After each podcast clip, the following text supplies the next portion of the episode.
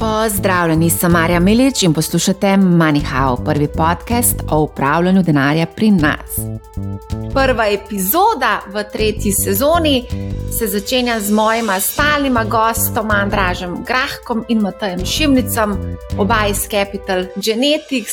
Zdravo. Živijo. Okay, zdravo, zdravo.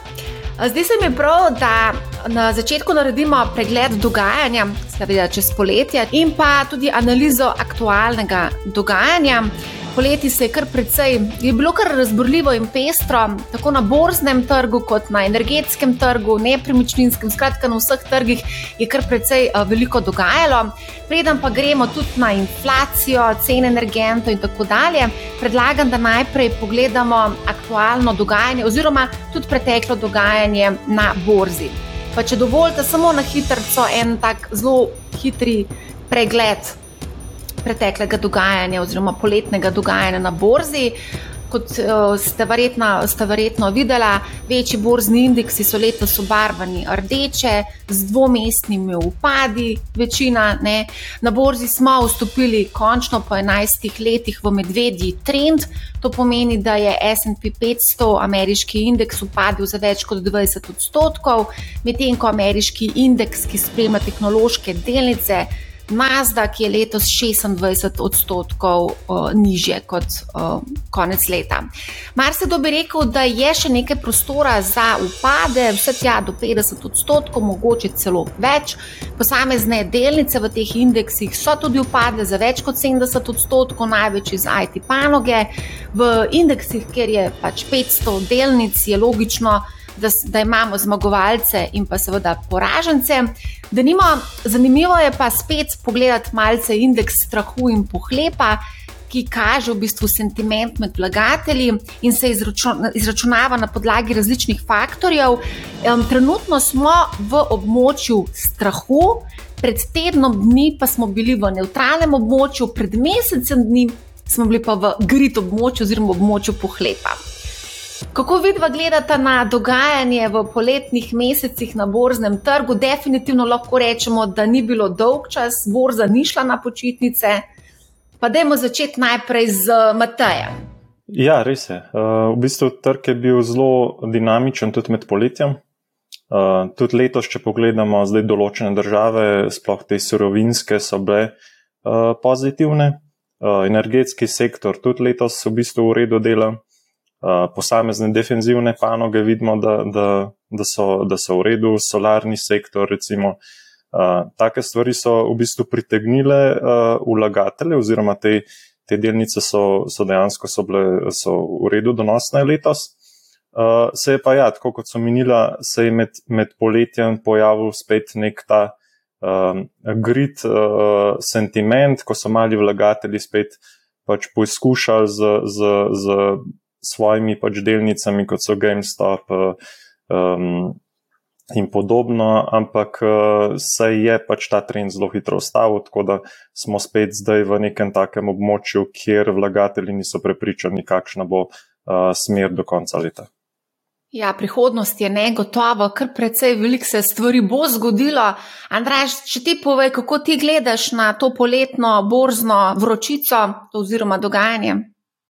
Podobno temu, kar je že govoril Matej, mislim, da je bil en tak zelo um, nek skok ali pa rally se temu reče, premiknil zgor iz pač najnižjih nivojih, ki smo jih dosegali tik pred poletjem v juniju, ko se je pač govorilo o tem, da je tukaj že.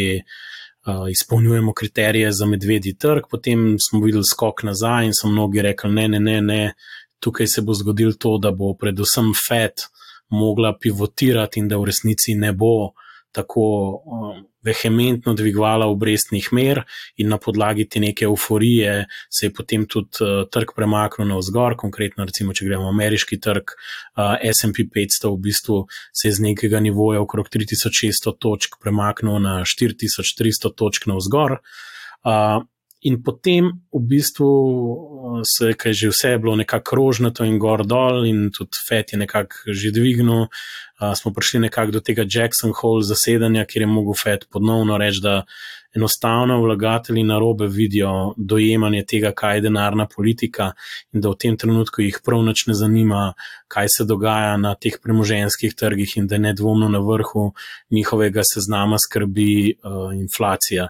Tako da v bistvu ne glede na to, kaj si ljudje mislijo, da lahko Fed naredi proti inflaciji, ampak mislim, da Fed se popolnoma ne obremenjuje s tem, ali bo pahnila ali, pa, ali bo kot posledica restriktivne denarne politike, s katero se boli proti inflacijskim pričakovanjem, predvsem uh, pahnila v recesijo uh, ZDA.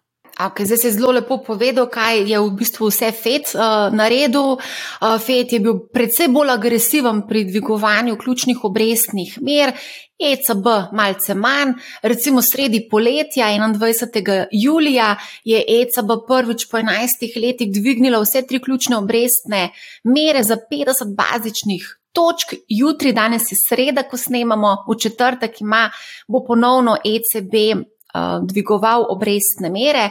Trenutno ne vemo, ali za 50 ali 75 bazičnih točk. Zanimivo je recimo to, da na zadnje, ko je ECB dvignil za 75 bazičnih točk, je bilo leta 1999, torej pred 23 leti.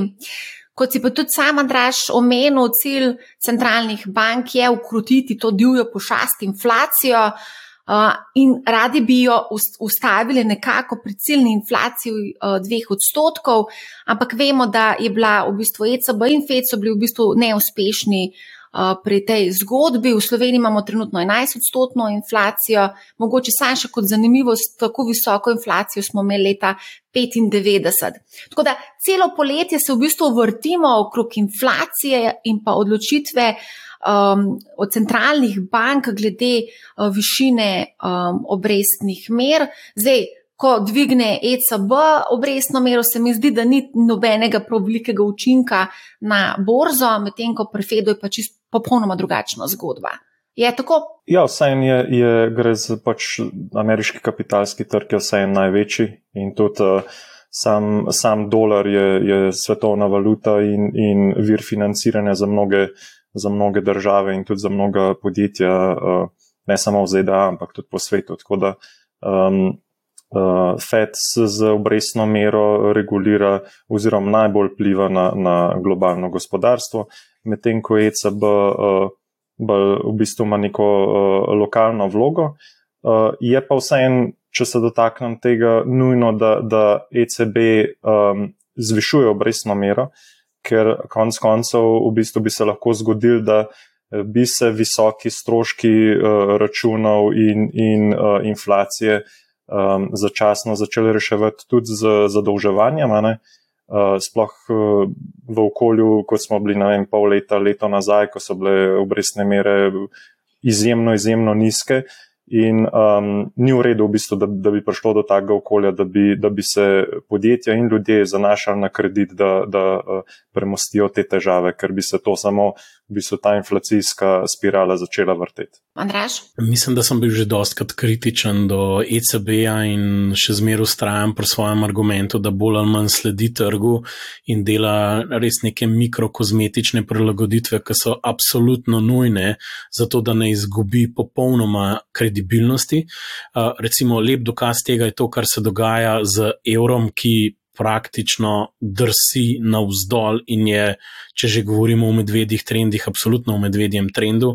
V tem trenutku, brez nekih večjih težav, smo tudi skozi pariteto, skozi zgrmel, ki so jo vsi tako menjali, kaj bo zdaj tam se neki uh, uravnotežili. Ne, enostavno bom rekel, ta restriktivna denarna politika se zrcali tudi skozi uh, odločnost Feda in moč dolarja, ki nastaja zaradi pač hitrejšega dvigovanja obrestnih mer ameriške denarne oblasti od pač drugih, uh, konkretno Evrope, uh, s tem, da trg ponavadi vedno ugradi že zvišanje, govori medbančni trg, recimo, če pogledamo Euribor, ki se že giblje na 12 mesecev, smo konkretno čez 1,5 odstotka čez. Tako da v bistvu uh, ECB tukaj dela neke vrste bolj kozmetične uh, popravke, kjer sledi in absolutno ni zelo, zelo agresivna, nekaj v tem smislu, pač dela to, kar je nujno potrebno, ker mislim, da čeprav to ni njen mandat, je vseeno skrbi finančna stabilnost v evroobmočju, čeprav na drugi strani ravno s tem, ko počasneje zvišuje obrestne mere.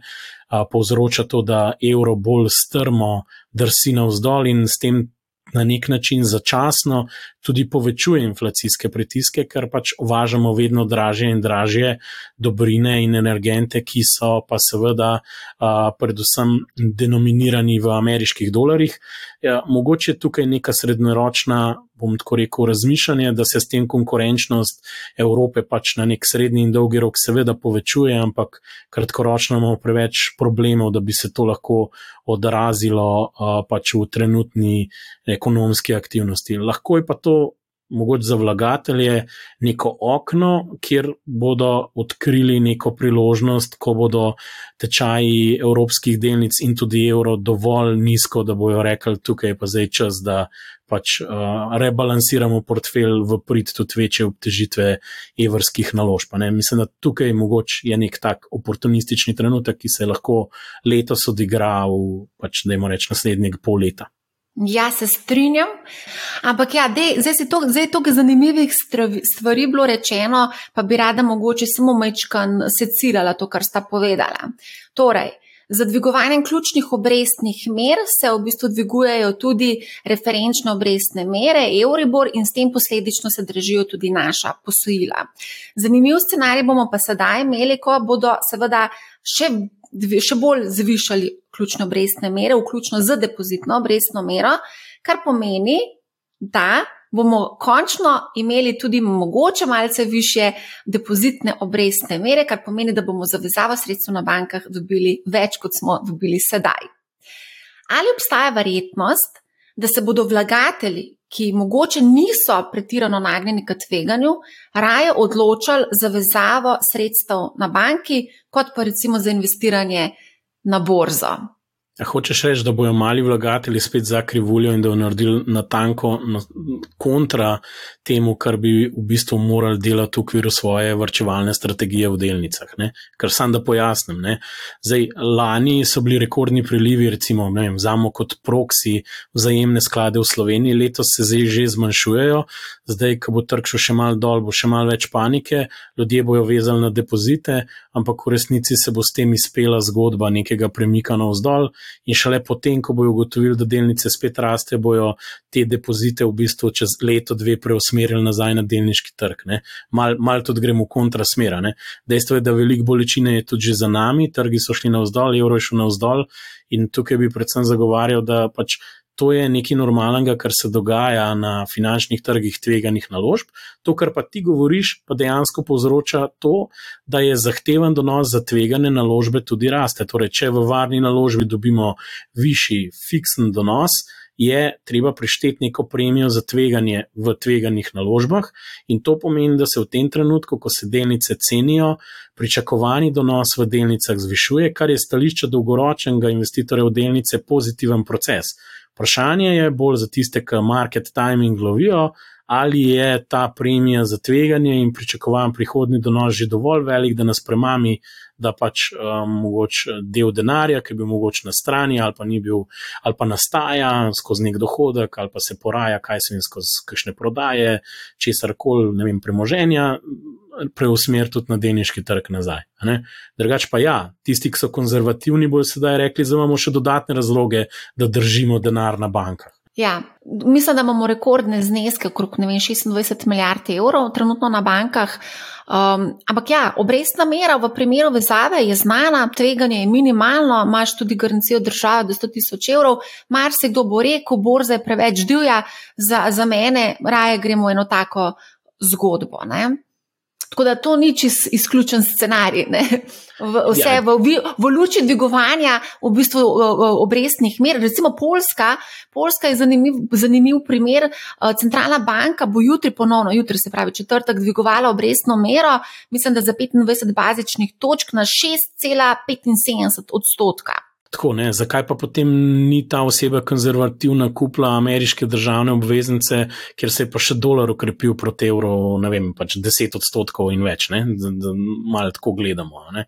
Pač, ja, ne, pač uh, definitivno više obrestne mere denar iz trga tveganih naložb nekako nekak intuitivno, ne, Eh, dejansko je tukaj smo več plačani za to, da smo na varnem. Je pa res, da realne obrestne mere, ne, to je pa dejstvo, so globoko negativne. Ne, tako da zdaj, mislim, da je nesmiselno primerjati naložbo v zavo za dve, tri leta z delnicami, kjer pač enostavno uh, neke sadove požanjemo skozi obdobje, rečemo, deset let in tudi več. Tako da, uh, predvsem za tiste, ki imajo neke obveznosti na kratko obdobje, bomo mogoče rekli, preveč mi je negotovo v delnicah in bojo zmanjšali to izpostavljenost, ker pač imajo neke mogoče obveznosti ki, ali pa neke nakupe znotraj nekega srednjega ali pa kratkoročnega okna.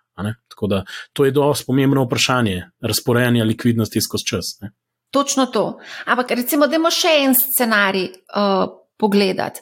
Recimo, dosti krat se mi zdi, ko se pogovarjam z ljudmi, vedno nekako se odločajo, kam bojo pač dali svoj denar.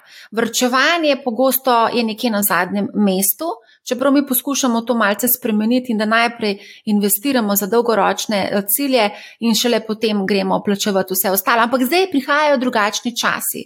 Zdaj bojo prišle više položnice, in marsikdo bo v dilemi in bo rekel: mogoče bi pa jaz zmanjšal vrčevanje ali sploh nehal vrčevati, zato ker pač. So take in take položnice. Dejstvo je, da nas bo to precej udarilo jeseni in po zimi, um, po žepu, tudi sam um, Robert Golop je napovedal težko, težko zimo. Tako da, recimo, kaj mislite, vidva, da bodo ljudje najprej recimo, rezali? To je tudi eno tako vprašanje, s katerim smo se zadnje čase kar precej uh, ukvarjali. Bo vrčevanje tudi eno izmed teh? Matej, mogoče da je ti zdaj za začetek. Jaz mislim, da bo. Sploh zdaj, če imamo nek vrčevalni načrt, oziroma neko, uh, da se to avtomatično nekaj nakazuje, jaz mislim, da večina bo to pustila, oziroma se tega običajno ne dotikamo, teh trajnikov in, in, in tega, razen če je pač res uh, uh, kriza. Uh, Dočim, če smo odvisni od, od, od lastne odločitve mesečnega nakazovanja, se mi zdi, da, da bomo ne sam, samo v, v luči uh, nevarnosti, da bodo položnice više, ampak uh, tudi uh, nas lahko odvrne tudi dogajanje na, na borzi, uh, visoka volatilnost. Uh, pač članki, vemo, kakšne so tematike trenutnih člankov in ta skrb sigurno vpliva na odločitev, da mi uh, odpremo mobilno banko in nakažemo denar upravljalcev oziroma na, na borzo. Tvoje mnenje, Andraš? Jaz mislim, da definitivno že poteka v tem trenutku neka racionalizacija družinskih proračunov. Seveda je pa ta racionalizacija popolnoma odvisna od eh, samega dohodkovnega stanja, eh, torej nekega statusa dohodkov, premoženja, ki ga ima vsako posamično gospodinstvo oziroma osebe. In zdaj, seveda, v tistih, dajmo reči, eh, dohodkovnih razredih niže se je ta racionalizacija absolutno že začela in še huje bo skozi pač neko korilno sezono, ko bomo dejansko dobili stavljene račune za uh, pač energijo, uh, pa tudi v končni fazi hrana, že zdaj vemo, da se je tudi podražila uh, specifični segmenti. Tako da jaz mislim, da bo tudi v srednjem sloju tistim, ki imajo dejansko presežke, ki jih lahko vrčujejo, lahko prišlo do enostavnega vprašanja, katere izdatki v družinskem proračunu so absolutno nujni in se mi zdi, da so najbolj ogroženi te neke mogoče neke rutinski stroški, ki jih pač nismo gledali že dolg časa in so nekako tekli, ne? ampak ko bomo naredili inventuro, bomo ugotovili, da res veliko za to plačujemo. Kakšne naročnine bi lahko na tukaj prišle v spredje, bodi si na kakšne časopise, medije, mogoče tudi zakup interneta, televizije, te telefonije. Uh, tukaj pač je vse neka konkurenca, ki je na trgu in pač uh, uh, se cene premikajo. Če nimamo vezave, se bo to zagotovo, uh, po moje, začel dogajati, mogoče tudi pri kakšnih, um, rekel, prevoznih sredstvih, pa transportu, ne sploh, če je to na kakšen leasing ali pa kakšne take stvari uh, teče naprej. Uh, po mojem, ljudje probali tudi omejiti svojo realno potrošnjo, ne, da bojo pač na koncu manj plačali, pa bojo mal zategnili pas, ne, pa mal vrčevali. Kar se tega tiče, ena stvar, ki pa jo še v tem trenutku ne znamo čistočen predvideti, je pa učinek uh, te rečemo, energetske krize, če uporabimo ta izraz, čeprav ni čist adekvaten, ker je na večjih nivojih problem, v bistvu na trg dela. Ker če bojo pa ljudje začutili, da je ogrožena tudi njihova zaposlitev, bi pa lahko spremenili svoje navade tudi na način, da bojo pač želeli imeti večjo denarno rezervo. Ne? Ker zdaj v tem trenutku se nekako dojema, da vsem trg dela je zelo močan in ni težava dobiti zaposlitve za nekega uh, normalno kvalificiranega posameznika. Če se pa to začne dogajati in se začne odpuščanja, potem bo pa to še, bi temu rekel, double down efekt, ne? kar se tega tiče in bi lahko več denarja na bankah bilo tudi zaradi te, rekel, nekega povečanega tveganja, uh, stabilnosti zaposlitve. Ne? Ker nekatera podjetja, tako kot zdaj že beremo, še sploh nismo prišli. Do dejanske, rekel, neke korilne sezone ali pa nekega obdobja, ko pride še to ogrevanje v spredje, imajo že zdaj probleme in pa če je jasno, da bo država morala ukrepati in jim pomagati, sicer ne bodo preživela. Nekatere podjetja so že napovedala zmanjšano proizvodnjo in pa uh, so poslala delavce uh, na krajši delovni čas, ne, oziroma pravljajo krajši delovni čas delavci. Tako da to se v bistvu zdaj že počasi dogaja, ne, sploh v večjih industrijskih obratih, sploh v tistih, ki so energetsko bolj občutljivi. Jaz mislim, da tukaj dejansko še zmeraj prevladuje miselnost, da je to nekaj podobnega kot COVID, ki bo država pač nekaj refundirala nazaj, pomagala podjetjem gor dol.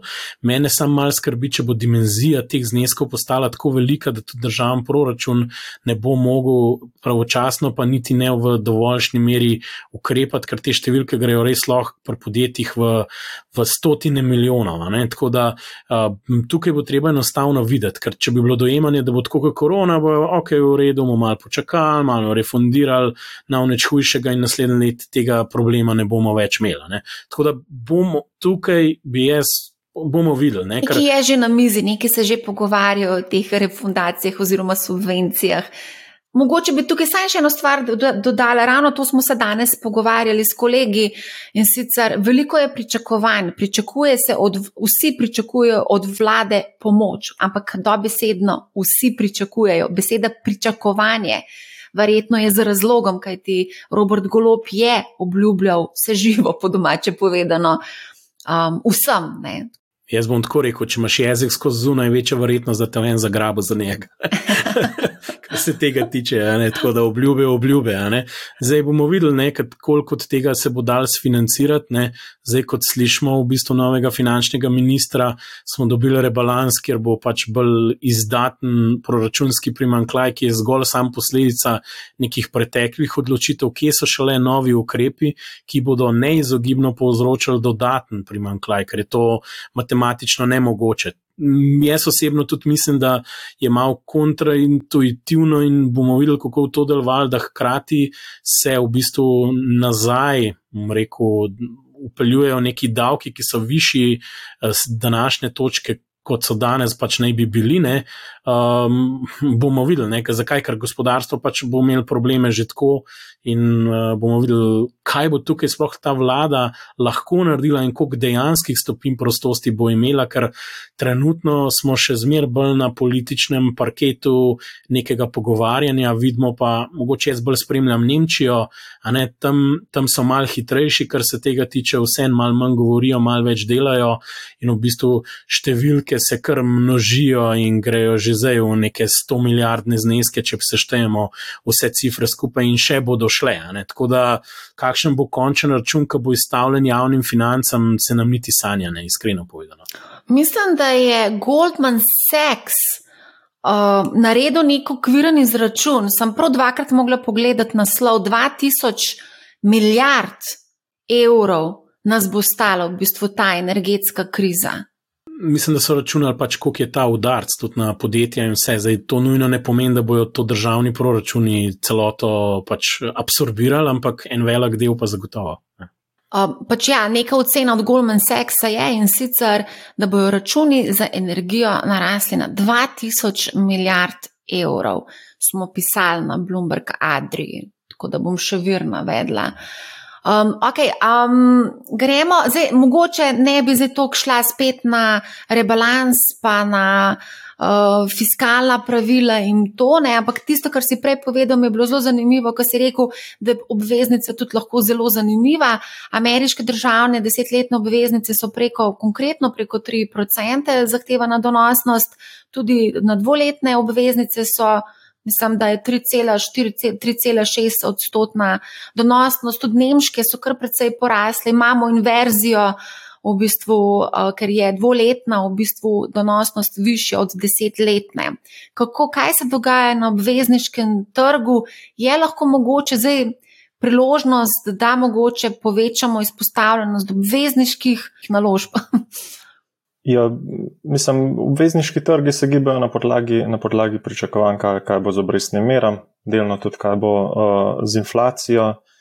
Um, je pa uh, trenutek za vstop, je pa čisto odvisen. Um, v bistvu idealen trenutek bo, ko se bodo pričakovanja glede višanja obrestnih mer umirile.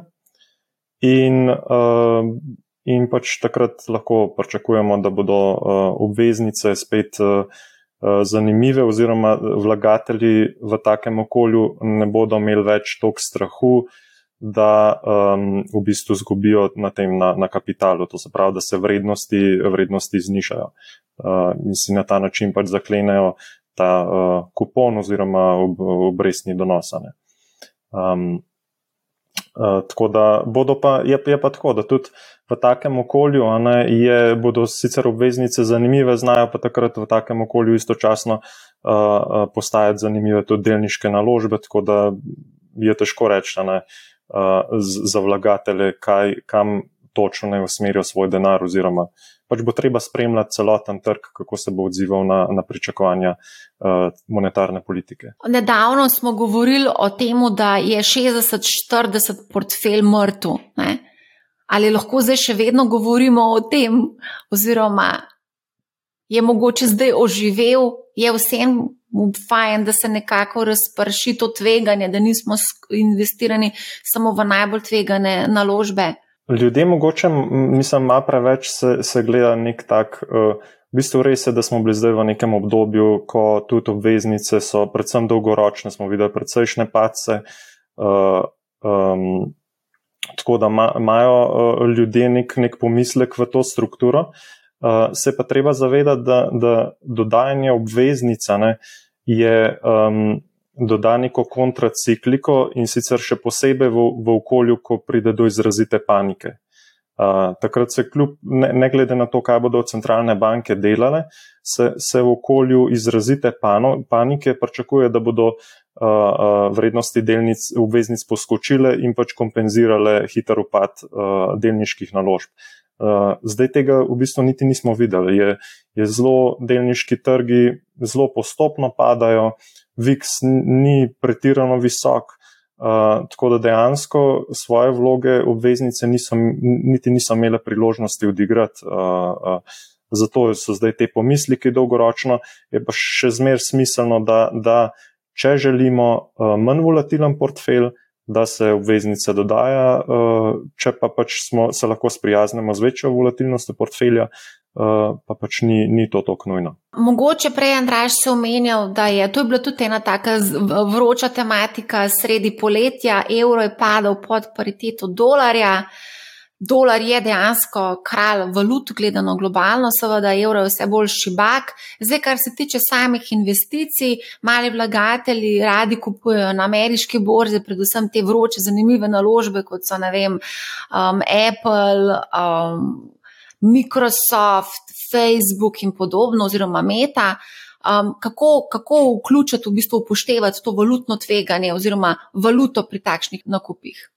Vsak portfelj mora imeti svojo razpršitev, in del te razpršitve je tudi, da imamo podjetja, ki ustvarjajo svoj primarni denarni tok v tuji valuti. In se, če se je pa zdaj kadarkoli izkazal, da moraš biti razpršen in se nehaš ukvarjati s temi valutami in ne vem kaj, ne, se je pa izkazal zdaj. In tisti, ki je imel dolarsko bazo, uh, se, se damo simpel primer. Ne, uh, da jim reče DAX. DAX je dol 20%, ne, SP je pa v evrih dol 5,8 odstotka, čeprav je v dolarjih 18 odstotkov, ne dol. Ne, zdaj, zakaj? Zato, ker pač je to neka druga geografija in že dejstvo je, da je tam seznam in miks teh delnic drugačen in to nam da razpršitvo.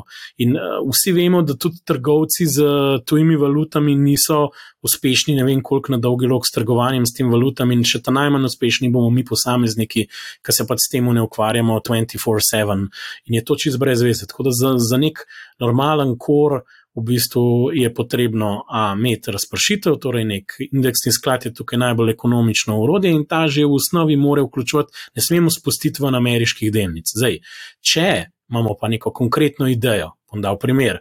Evro je zdaj padel, torej neki evrski izvozniki bi morali postati super konkurenčni, potem je pa boljši, da na ta portfelj, na to hrbtenico gor, mogoče dodamo vem, eno, dve delnici ali pa nek ETF, če, če, če ima noter večino teh podjetij, ki so izvozno usmerjena, ne, in kar pomeni, da je bolj konkurenčna in bo nam na obdobje, to, to se ne bo zgodilo zdaj čez šest mesecev, ali pa mm. mogoče tudi, če bo trg tako odreagiral, ampak se bo to izkazalo. Temu se pa reče, to smo že večkrat govorili, core satellite, torej ti dodaš noter neke konkretne ideje. Ne?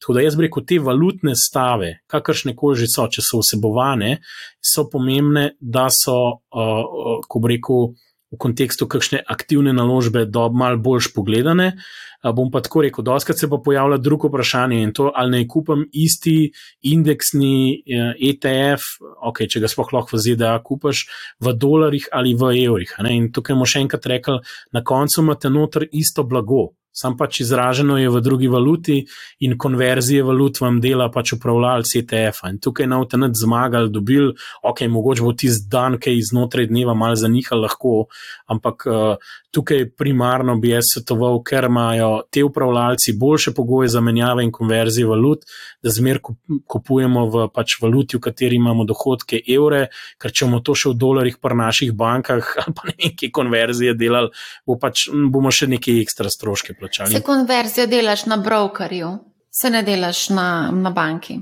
Ja, ampak tudi, na, tudi broker ima bidesk spread, sicer ni tako ja. velik. Ja? Ne, tako da, v bistvu, če je, če je dovolj velik ekonomičen evrski ETF, ki sledi SP-ju 500 uh, in ima tudi to politiko reinvestiranja, v bistvu akumulacije noter, bi jaz rekel, da na dolgi rok tukaj ne bomo odkrili tople vode. No. Iskreno povem, se nam ni matra treba s konverzijo. No.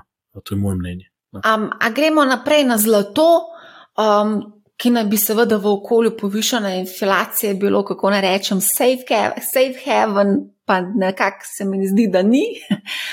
Trenutno 1650 evrov za 31,1 gramsko unčo. Um, Matej, kako, kaj dogaja z zlatom, ali je to zanimiva investicija? Komu bi priporočal, komu bi odsvetoval, kako v bistvu, kako naj zdaj razumemo vse skupaj o dogajanju okoli zlata in cene zlata. Ja, v bistvu prvo se moramo, tako kot pri vsaki naložbi, se moramo zavedati, uh, kateri dejavniki na to vplivajo. Ne? Zdaj, uh, zlato v okolju, ko, so, ko je gospodarska uh, aktivnost uh, zadost visoka in ponuja centralnim bankam možnost višanja obrestnih mer, kljub inflaciji, ni zanimivo. Pač tudi, zgodovinsko gledano je, je zlato v takih obdobjih uh, uh, ni bila najboljša naložba. Uh, potem je pa še celo vrsto uh, drugih dejavnikov, od, od tega, da, da imajo trgi v razvoju uh, težave z lastnimi valutami, tudi juan, če pogledamo, je predvsej izgubil napram ameriškem dolarju, mm -hmm. to ustavlja nek uh, popraševanje. To je v bistvu uh, recimo temu, dodatno popraševanje, ki je odvisno od uh, nekega, nekih ekonomskih ciklov. Um, potem je pa tukaj še v bistvu uh, špekulativni denar, ki, ki vemo, da je zdaj zaradi, zaradi dogajanja na, na, na, na splošno na borzah, pa, pa na najbolj tveganih segmentih borznega trga, je zdaj pod pritiskom in zmanjšuje izpostavljenost. In ko zmanjšuje izpostavljenost, oziroma ljudje umikajo denar stran do upravljavcev, se zmanjšuje tudi popraševanje po zlatu. Tako da zlato resnično pač kljub vojni um, uh, in visoki inflaciji, in vsem pač enostavno ni, ni v trenutnem okolju odigral svoje vloge. Uh, jo pa lahko v, v prihodnje, če pač centralne banke ne bi bile uspešne pri uh, omejevanju uh, uh, inflacije. Tako da zlato je v bistvu. Ma neko psihološko vlogo v portfelju, sigurno ima, oziroma neko svoje mesto ima, ampak pač to gre za, za, za odstotek, dva, tri, mogoče pet do deset odstotkov. To, to je res nek, nek maksimum, ki ga pač mogoče lahko kdo, ki verjame v, v, v neko dolgoročno razlata, pač ima priložnosti, so, so pač ne smejo pozabiti tudi, da so druge priložnosti. Okay, gremo zdaj uh, na to vročo energetiko. Kot rečeno, prej Robert Golop je napovedal, da Evropo in konec koncev tudi Slovenijo čaka na najtežjih zim, celo ustanavlja se krizni štab, štab ki bo tedensko v bistvu premleval vse možne rešitve, predvsem z vidika obvladovanja stroškov, cen energentov v, v gospodarstvu. Zdaj, videli smo tudi sredi poletja res neverjetne, nore v bistvu borzne cene energentov. Recimo, samo če pogledamo elektriko, je bila cena, oziroma je bila elektrika na neki točki, mislim, da preko 1200 evrov za megavatno uro, danes je okrog 600 evrov za megavatno uro, leto nazaj je bila pa nekaj 10 evrov za megavatno uro. Kaj se dogaja na tem trgu? Um, kako gledati v bistvu na vse te norije, ki se dogajajo zdaj trenutno na trgu uh, z elektriko in zemljskim plinom? Andraš, recimo, da ti povej. Kako gledati norije? Mislim, da se dnevno nas hranijo s tem, kako gledati na te norije, pa tudi razlogov ne bom ponavljal. Uh, predvsem vemo, da je pač nastala uh, pač ta situacija, ki jo imamo okrog, uh, bom rekel, pretakanja in dostopa do energije, ki jo ima Zahodna Evropa, glede na trenutno vojno situacijo v Ukrajini in odnose z Rusijo, in to je sprožil večino teh odzivov na terminskih trgih, ki smo jim priča danes. Um, tako da v bistvu uh, vprašanje je, kako se ta bodoča infrastruktura energetike rekel, rebalansira, če želite, na nek srednji in dolgi rok. Jaz mislim, da je ta vojna situacija samo galvanizirala neko resno razpravo okrog tega, kako bo energetska dostopnost in tudi v končni fazi tudi miks alternativnih virov ali pa zelenih virov energije zgledal za Evropo. Na nek način je s tem, da so zeleni viri hrati ali bolj, ko bo rekel, um, privlačni, če hočemo, zato ker se je osnovna cena fosilnih goriv dvignila, tako da lahko bi rekel, da si Rusi s tem tudi kupljajo lasten grob na dolgi rok, mogoče ne. Ampak dejstvo je, da zdaj je situacija takšna, kot je, in da bo pač treba ustrezno zagotoviti neko preskrbo, in dokler je ta omejena, so cene takšne, kot so, in tukaj bo očitno mogle javne finance požreti večino. Tega lahko rečemo tudi ekstra profita, če želite, ki nastaja zaradi tega, ker so pač neke tržne ali pa dejanske cene zakupa zdaj v tem trenutku bistveno nad neko dolgoročno lastno ceno pridobivanja teh virov. Um, vemo pa, da je na koncu vedno vprašanje, kdo je tisti mejni dobavitelj v taki situaciji. Ne? Zato, ker pač energija se proizvaja iz različnih virov v različnih obratih uh, in tukaj bo izjemno zahtevna vloga. In jaz mislim, da se bomo ukvarjali celo zimo spet s tem, kdo je tukaj dobičkar, kdo ni. V bistvu me malo spominja na tisto korona situacijo, ki je bilo vprašanje tam pač dostopa do nekih zdravstvenih, uh, bom tako rekel, um, pripomočkov oziroma napravne, tukaj se bomo pa ukvarjali z dostopom do energije in kdo je tisti. In spet večina javnosti nav dobro razumela te verige, kar je izjemno zapletena, ne, tudi uh, pri uh, generaciji distribucije različnih virov, kdo, kaj. Kakšen je njegov strošek. Tako da tukaj bo kar glavo bolj ta neka zmes politike, demagogije in kaj je dejansko. Ne? Tako da javne finance bodo definitivno v slabšem stanju čez eno leto ali tudi dve, uh, pri čemer se jo soočale še naprej, pol tudi ko bomo čez to čez novi, z istimi demografskimi izzivi. Tako da v končni fazi, um, bom tako rekel, uh, je je ta energetska kriza večji, rekel, bolj daljnosežno in korenito posega v infrastrukturo Zahodne Evrope, kot pa pač je bila ta pandemična situacija. Um, tako da tukaj ne obstaja cepivo, tukaj pač bo potrebno delati na infrastrukturi in nekemu novemu miksu virov, ki bo spremenila tudi v končni fazi dobičkonosnost modelov določenih uh, panog, ki pač bomo se mogli celo preoblikovati, mogoče ne, na nek srednji in dolgi rok, ker javne finance ne bodo mogle neskončno subvencionirati nekih cen energije, uh, kje bojo pa te cene potem, ko bomo prebrodili to prvo sezono, če hočete. Uh, tako, ko prihaja zima v igri prestolov, ne bomo imeli tukaj pač žal tudi drugo, tretjo, četrto, peto sezono, ne, samo pač bomo videli, kakšna bo cena in dostop do energije takrat. Ne. Ja, winter is coming. Govori se tudi o zlomu trga z energenti. Ne vem, če ste bili kaj pozorni na zadnje čase. Omenjali se je predvsej velik margin call. Zdaj ne vem, verjetno sta film gledala, tako dost legendaren film, tako da vsi, če, če si še niste to pogledali, si pogledajte film. Um, se pravi, gre pa za sledečo situacijo. Energetske um, borze v bistvu zahtevajo od energetskih družb, dodatno zavarovanje in jamstvo za trgovalne pozicije.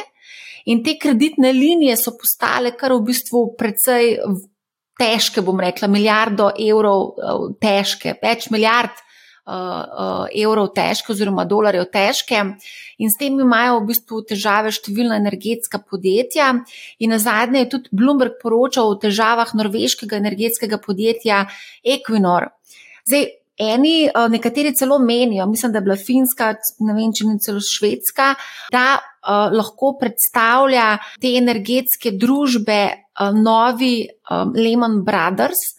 Konkretno tudi uh, Finska in Švedska, Švedska sta namenili, mislim, da preko 33 milijard dolarjev posojil in kreditnih jamstev tem energetskim podjetjem. Kako zdaj v bistvu gledati na vse skupaj, tudi gospod Golob omenja reformo energetskega trga, čež da danes ta ne upravlja več svoje funkcije primer, eh, tako kot si ti povedal, te norveške firme ali pa nemškega Juniperja. V bistvu to so podjetja, ki so na končnem trgu, ki samo v bistvu trgujejo z elektriko, jo kupijo in prodajo in naprej ne, na nek način ne, distribuirajo. Ne. To niso podjetja, ki imajo tudi, ne vem, so vertikalno integrirana in imajo dostop pogosto do različnih uh, rekel, virov energije, kjer, kjer imajo nekateri celo dostop do samega bazičnega vem, surovine, iz katerega to proizvajajo. In Nemci so, to sem poslušal prejšnji teden, ogromno debato okrog tem, ker so uvedli nek mehanizem, ko so jo porazdelili te probleme, ker Juniper ima probleme in gre v stečaj, ampak Juniper nima lastne proizvodne. Medtem, kar recimo ne vem, neko podjetje, na primer OMV, ne, avstrijski, ki je tudi prisoten na nemškem trgu, po drugi strani služi zaradi visokih cen, uh, ker ima tudi določene operacije na rafinerijah, pa neki tudi pri pridobivanju nafte. Ne. Tako da v bistvu tukaj so v zelo različnih situacijah različna podjetja v verigi energetski in ena so pred bankrotom, druga pa dejansko delajo tudi dobičke v nekem segmentu, ne drugem, ne, ker od nekje to pride. Ne. Težava pri Nemčiji pri plinu je to, da večina plina z Nemčijo pride iz Rusije ne, in je ta dobiček uh, v Rusiji, če bilo pa nemško podjetje, ki bi imeli naftno, ne vem, plinsko polje, ne vem, na Norveškem, pa tega problema ne bi bilo. Sam to, da se razumemo. In zdaj je nek gospod Golop, ne, je v tej situaciji, ker mora zelo dobro razumeti to verigo in kdo si dejansko. Hm, kate, katero podjetje je toliko pomembno, verjetno bo tukaj definicija nekega sistemsko pomembnega podjetja ali pa ki upravlja neko kritično vlogo v distribucijski verigi, da jim je potrebno zagotoviti predvsem nemoteno, uh, ko bo rekel, pretok, če se tako izrazim, energije. Ne? In ker če, če pa je tak umestni posrednik izločen iz te dobavne verige, pa preden drugi stopijo noter, ne?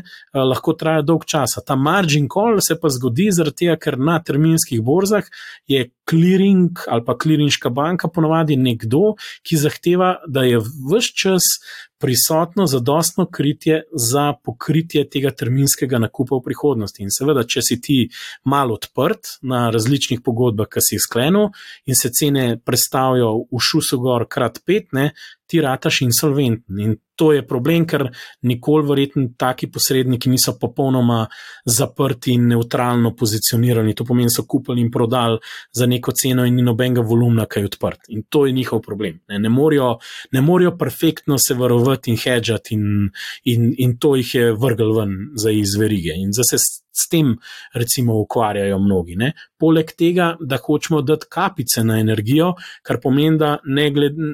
To bo pa pomenilo, da ne glede na to, kdo je v verigi, bo na koncu dobil nižjo ceno, kot je tržna, ne? ki jo bo mogel nekdo drug, država, javne finance v tem primeru nadomestiti. Zdaj pa, koliko in do kakšne mere, in zdaj pa nastane moralni problem. Ali firma, ki dela minus na distribuciji goriv, naprimer, primer je Petrol, ne, se, jo, se ji pomaga, če recimo ista firma služi mastno z nafto, jo, ker ima naftna polja. Ne. Zdaj, v petrolovem primeru to ni, ker pač nima lastnih naftnih pol in dostopa niti rafinerij, v primeru pač nekih drugih naftnih podjetij po Evropi pa je ta problem. In zato bo to neka zelo naporna in dolgoročna debata, uh, kako se bo to na nivoju EU-ja sploh te pravila naredili. Ja, ja, krizni štab. ja, krizni štab. Vse, kar se tiče petrola, ne, um, je problem predvsej velik, glede na to, da jih je ravno ta regulacija pahnila v izgubo. Mislim, da 100 milijonov evrov pričakuje, da bo vlada nadomestila tega izpada, poleg tega jim pa grozi v bistvu tudi znižanje bonitetne ocene, kar prinaša določene druge težave. To je pa drug štos. Pri margin callih, sam to te prekinem, ne? ta bonitetna ocena, če pade, vi ne morete dobiti novih kreditnih linij in se vse skupaj podre. In to je bila tudi zgodba, zakaj se nemška vlada umešala in šla reš v Juniper, ker so ugotovili, da bo rating downgrade in tam imajo unga ministra za, za, mislim, da gospodarstvo, ki prihaja iz zelene stranke ne? in uh, zdaj mu vsi učitajo, da so mu rating agencije napisali njegov paket reševanja ne? in je že nas nastal cel, cel problem in Nemci tam govorijo, ko se je prodal. Tako da vidite, koliko problemov nastaja tukaj, pa pri dojemanju javnosti, kaj se dela, zakaj se dela, kdo zasluži. Tudi pri Petrolu sem videl, recimo na Twitterju, debato, pa kaj ima zdaj veze, da oni minus delajo, se so prej dobičke delali, ker požarejo in par let minusov. Who cares? Ne? Tako, tudi ta stališča imamo v javnosti. Ne? Zdaj, kje bo tukaj vlada, ki je pa vsem politično telo, uh, ali bo strokovna, ali bo se politično tudi obnašala. Vemo, da vsaka vlada ima pač neke politične imperative. To bo zelo zanimivo spremljati. Odlično. A gremo kar naprej in sicer mogoče, ker se glih prej omenil gospoda uh, iz zelene politike. Uh, Goldman Sachs pravi, da se bo splačalo investirati v delnice evropskih podjetij, ki se ukvarjajo z obnovljivimi viri energije. Matej, kaj si ti misliš o tem? Mislim, da še prejšnja tema ni zaključila. A bo Leman ali ne bo Leman? A ja, točno, vidiš, to bi bilo pomembno odgovoriti. Leman ali ne Leman, ker zdaj nekaj, nekaj potencijalnih kandidatov smo že imeli v preteklosti. Tudi na kitajskem je bil Evergrande, nekaj se je govorilo, da je to novi Leman, zdaj imamo pač te energetske družbe, so potencijalni novi Lemani. Kaj zdaj s tem? A bo kakšen Leman ali ne bo? Ne, dokler je država isto na kitajskem, se, če se država zaveda problema, če država pomaga, ni, ne, ne more. Pač Leman je, uh, v bistvu bil posledica, uh, da je država dvignila roke in pustila uh, realizacijo sistemskega tveganja oziroma prenos pač tega tveganja po, po sistemu. Do, do v bistvu, dobro, se bil tudi Lehman banka, ampak vseeno je šlo za investicijsko banko, da se to prenese v celoten bančni sistem. Zdaj, če, če bi država, države dvignile roke nad uh, stran od, od teh energetskih traderjev po Evropi, uh, je jasno to možno, bi, bi, bi to prizadelo tudi banke, ki, ki imajo, uh, zagotavljajo te kreditne linije. Ampak uh, mislim, da, se, da, do tega, uh, pač, da do tega ne bo prišlo. No. Gremo na Goldman. Pojmo zdaj malo v investicije. Se splača investirati v evropske delnice? Sem preletel to listo in nisem navdušen nad, nad imeni. V bistvu, če pogledamo imena, so gre več ali manj za, za podjetja iz oskrbovalnega sektorja oziroma zagotavljanja osnovnih storitev, um, to se pravi utilities. Potem je en segment, je uh, avtomobilisti in, in uh, podjetja okrog avtomobilskega sektorja, ki imajo največji potencial razvoja uh, oziroma premika proti električnim vozilom.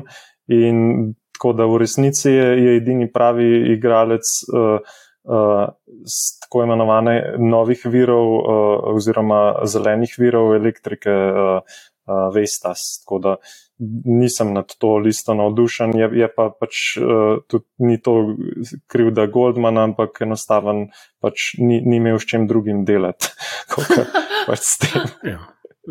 Veste, da je Wind Systems, sam tok mogoče za poslušalce, aktiven na področju proizvodne vetrnih uh, turbin za elektrarne. Za, pač, pač na, nažalost, Evropa je taka, zaradi zarad politike in, in uh, usmeritev, da, da je izjemno je močen avtomobilski sektor, je močen uh, uh, v bistvu sektor tudi uh, drugih uh, potrošnj oziroma uh, uh, cikličnih uh, dobrin.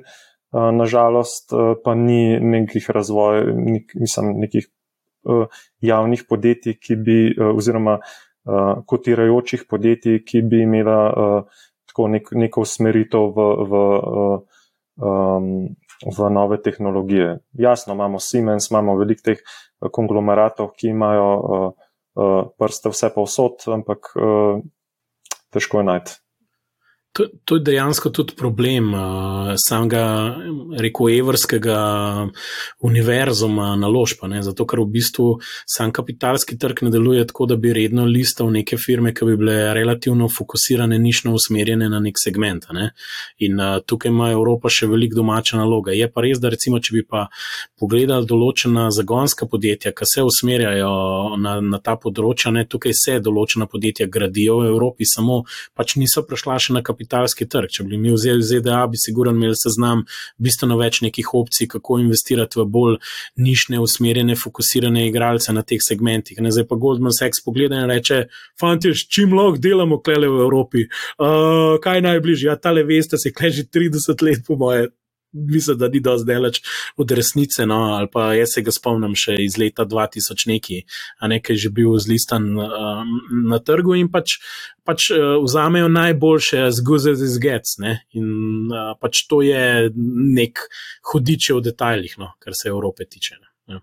Je pa mogoče še ena stvar, da, da uh, te delnice se ni nič narobe z njimi, se, se tudi tukaj bo, bo nek, uh, nek potencial, ampak uh, če se navežem na prejšnjo vprašanje, da Lemana ne bo, je pa lahko vse skupaj, eh, pač primankljaj javnih financ in vse skupaj lahko nek zametek prihodne dolžniške krize v Evropi, eh, kar pa pač ni najboljša, najboljše okolje za, za evropske delnice. No. Mhm. Scenarij dolžniška kriza je na mizi?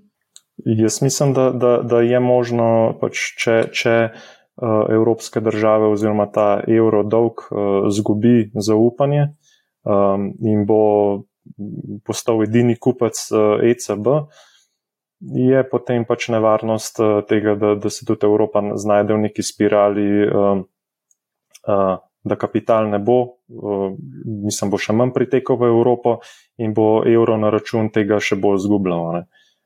Ker pač vemo, da zdaj ni, pariteta, ne evro, dolarja ni, ni nekaj, nekaj stalnega, ne, to je pač posledica tega, da, da je uvoz zaradi cen energentov izrazito narasel in se je trgovinska bilanca podrla in je evro na ta račun uh, pač izgubila. Če se to izravna, uh, um, se bo pač trend obrnil. Uh, je, pa, je pa problem, da, da če ni kapitalskih tokov, če se še to ustavi in bo Evropa sama sebe financirala, uh, in nobenem tiskala denar, je to pač uh, neugodno za, za, za Evropo in njen kapitalski trg. Omenjali smo kotacijo na borzi, IPO je, omenjali smo avtomobiliste, Volkswagen je napovedal IPO Porscheja. Um, Kaj si vidva mislite o tem cilju, v bistvu Volkswagna je o tem, da bi želeli zbrati denar za financiranje elektrifikacije, valuacija samega Porsche je kar precej visoka, oziroma ciljajo na 85 milijard evrov, to je dvakrat več kot je tržna kapitalizacija Ferrarija. Je v bistvu sploh pravi čas za IPO, se splača iti v eno tako zgodbo. Sami vemo, kakšne so takoj v bistvu skok cene, takoj po IPO-ju, kar poleti cena v nebo. Ali tudi tu lahko pričakujemo kaj takega? Tako kot je ECB, prepozni so. Prepozni so. Ja, zamudili so, če so zamudili. Uh, uh, so špet. Ja. So špet. ja, ampak uh, dobro. Čisto zamudili pač trenutek. Um, Porsche v bistvu je izjemno pomemben za celotno skupino. Um, naredi v bistvu, če pogledamo cel Volkswagen, Volkswagen naredi uh, Porsche recimo četrtino uh, dobička iz poslovanja, četrtino naredi Audi in četrtino naredijo uh, financial services oziroma leasingi in podobne stvari. Tako da na koncu za, za uh, škodo uh, Volkswagen vozila in ostalo ostane samo še četrtina. To se pravi, vemo, vemo pač kakšna je pomembnost Porsche in od to pač izhajajo tudi ta visoka pričakovanja glede vrednotenja. Um, jaz mislim, da, da Porsche je lahko zanimiv, bo pa bolj zanimiv gledati, gledati kaj se bo s Volkswagenom dogajalo uh, marsikakšen vlagatelj, tudi ta uh, družina, mislim, ne, ne bi se umikala iz, iz delnic Volkswagna. Tako da, če imamo zaupanje v Nemce, da bodo s tem denarjem uspeli narediti nek prehod, uh, potem uh, je ob nizkih cenah Volkswagen, recimo, zanimiv. Uh, je pa treba vedeti, da, ta, da mislim, da gre za postopen uh, umik uh, in ne bodo pač dobili zdaj celotnega zneska, bi se to šele nek začetek uh, Andraš bolj spremlja Nemčijo in, in, in ima verjeten boljši insight glede, ali bomo zaupali Volkswagenu ali ne. Ali ne. Ali bomo ali ne. Volkswagen ima kar tako pestro, pestro. Zelo pestro ja, zgodovino. Vse nemško govoreče priporočam podcast Macht und Millionen, torej moč in milijoni, ki ga uh, pač tam delajo in obdelujejo samo gospodarske afere. In ena večjih je bila v Volkswagenu. Tako da priporočam poslušanje, kjer je sprega management in sindikatov naredila eno večjih packari v zgodovini modernega, ko bi rekel, corporate governance v Nemčiji. Tako da ti me zdaj sprašuješ, če zaupamo v Volkswagen. Ne? Pa ne govorimo o Dieselgateu. Uh, da na opomota, kaj, kaj naj ti rečem? Ne, uh, ne vem, pojma nimam. Lej, uh, ni, ja, samo to so zdaj spucali, ESG rating imajo zelo ja. visok. Kaj že whitewashing, ali kako že to greenwashing. Greenwashing, no, white, green, karkoli pa že smo. Mogoče bo pinkwashing v prihodnosti. Uh, lej, ne, ne vem, težko odgovorim na to vprašanje. Zdi se mi, da vsi ti koncerni se bistveno prepočas premikajo in ta nek uh, odločitev Volkswagena dejansko deluje tako, da so to razmišljali in so jim bankeri pičali to ne vem koliko časa vsi vemo, kje je bila Tesla, koliko je bil hot ta market in zdaj se je to nekako sprožilo in zdaj so oni prišli in se mi zdi tako potipično, jo, če smo se pa že tako matrali, pa dajmo probat, pa da vidimo. Zdaj, uh, je pa mogoče dozorela neka ideja, neke transformacije skupine in pač uh, očitno je to neka tema, tako da jaz zdaj ne vem, ali jim bo uspel to ali bojo dosegli tisto ceno, jo kaj spremenjali. Uh, je lahko neka zanimiva, rekel, stopna točka, še zlasti sem mogoče malo podcen ocenili trg, da bo tukaj, kjer je, mogoče niso pričakovali, da bo toliko se zaostrila sama ta situacija. Je pa res, da pač ok, ne, te visoke cene elektrike, tudi ne vem, kam zdaj to elektrifikacijo na ravni konzumenta pa električnih avtomobilov postavljajo. Ka, ka, kakšna je cena elektrike, ki jo bomo uporabljali za naše vozila naslednjih deset let? A jo, a jo zna kdo? Z neko zanesljivostjo napovedati. Ne vem, mislim, da to je zdaj noro. Zdaj smo krat 20, kje bomo vmes, ali bojo isti nivoji, ali kako bojo ostali ti avtomobili. Mene tako, pač v tem okolju sploh govoriti, kakšen je budžet za elektrifikacijo, IPO je delati.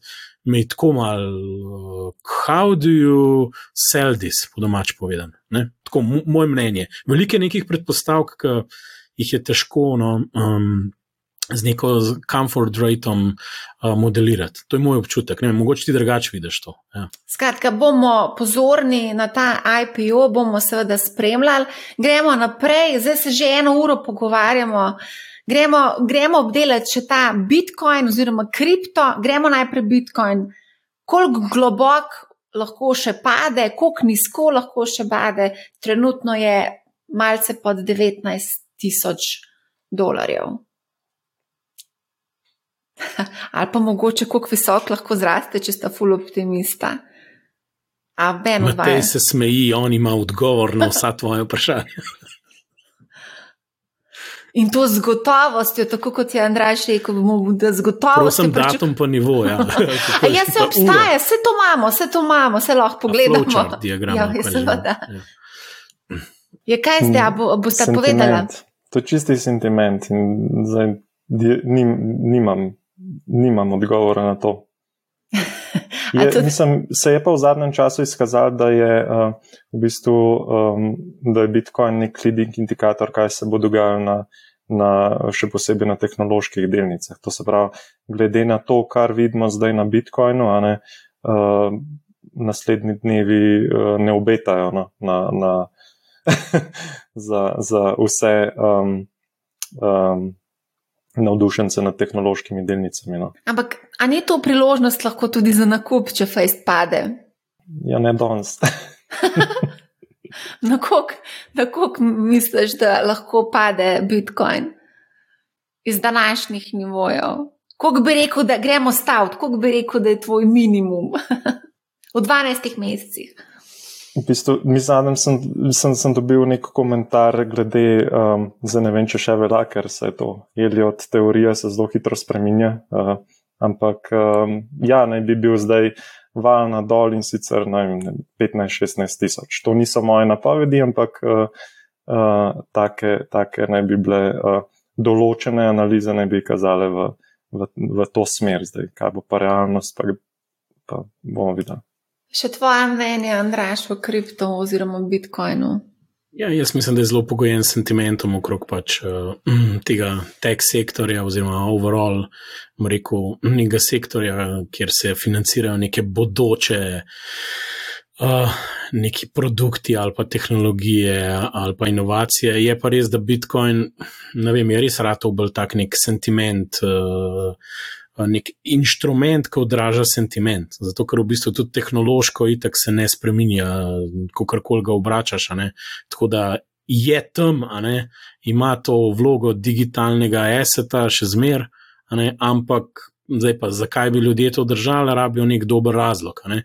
In da ponovadi v preteklosti je bil ta dober razlog, ker bodo drugi ljudje to kupovali in se bo razširila uporaba in ne vem, karkoli pač že ne, in bo to digitalno zlato ali karkoli, s tem, da tudi zlato zdaj ni zdaj neki blazno v nekem momentu, sicer ni zdaj tako dramatično spet padlo ali pa karkoli, se mi zdi, da je ta eh, Bitcoin kle. Usporedno poteka tudi ta, bom rekel, prehod Ethereuma na uh, proof of uh, stake zgodbo, tako da to bo tudi zanimivo spremljati, ali bo to kaj galvaniziralo uh, v naslednjem letu, dveh, ta ekosistem in kako ga bo spremenil, ker če ga ne bo pol, zakaj smo se tukaj borili, v resnici ne. Govorim bolj, bolj stališča uporabe pa implementaciji tega, ne, kar jaz mislim, da načeloma.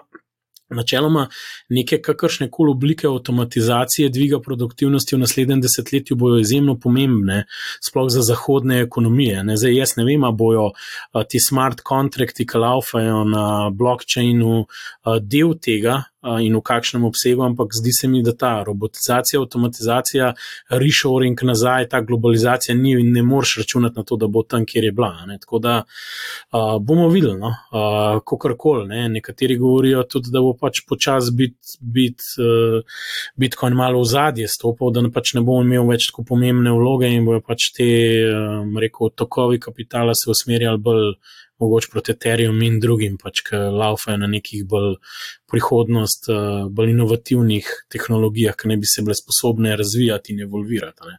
Bitcoin ne evolvira, no, mislim, kako koli je, kar je, ampak uh, tako da bo očitno imel res bolj vlogo digital asseta in zdaj, če bo imel to etiketo, da je sentiment driven in da se giblje podobno kot tehnološki sektor, ampak nek segment delniškega trga, pa bom jaz vprašal eno vprašanje, zakaj pa držati Bitcoin, kupite te raztreščene tehnološke delnice in pač razpršite lahko na več stav, ne samo na Bitcoin. Ne? Tako da Ne, to, je, to, to je mogoče neko vprašanje.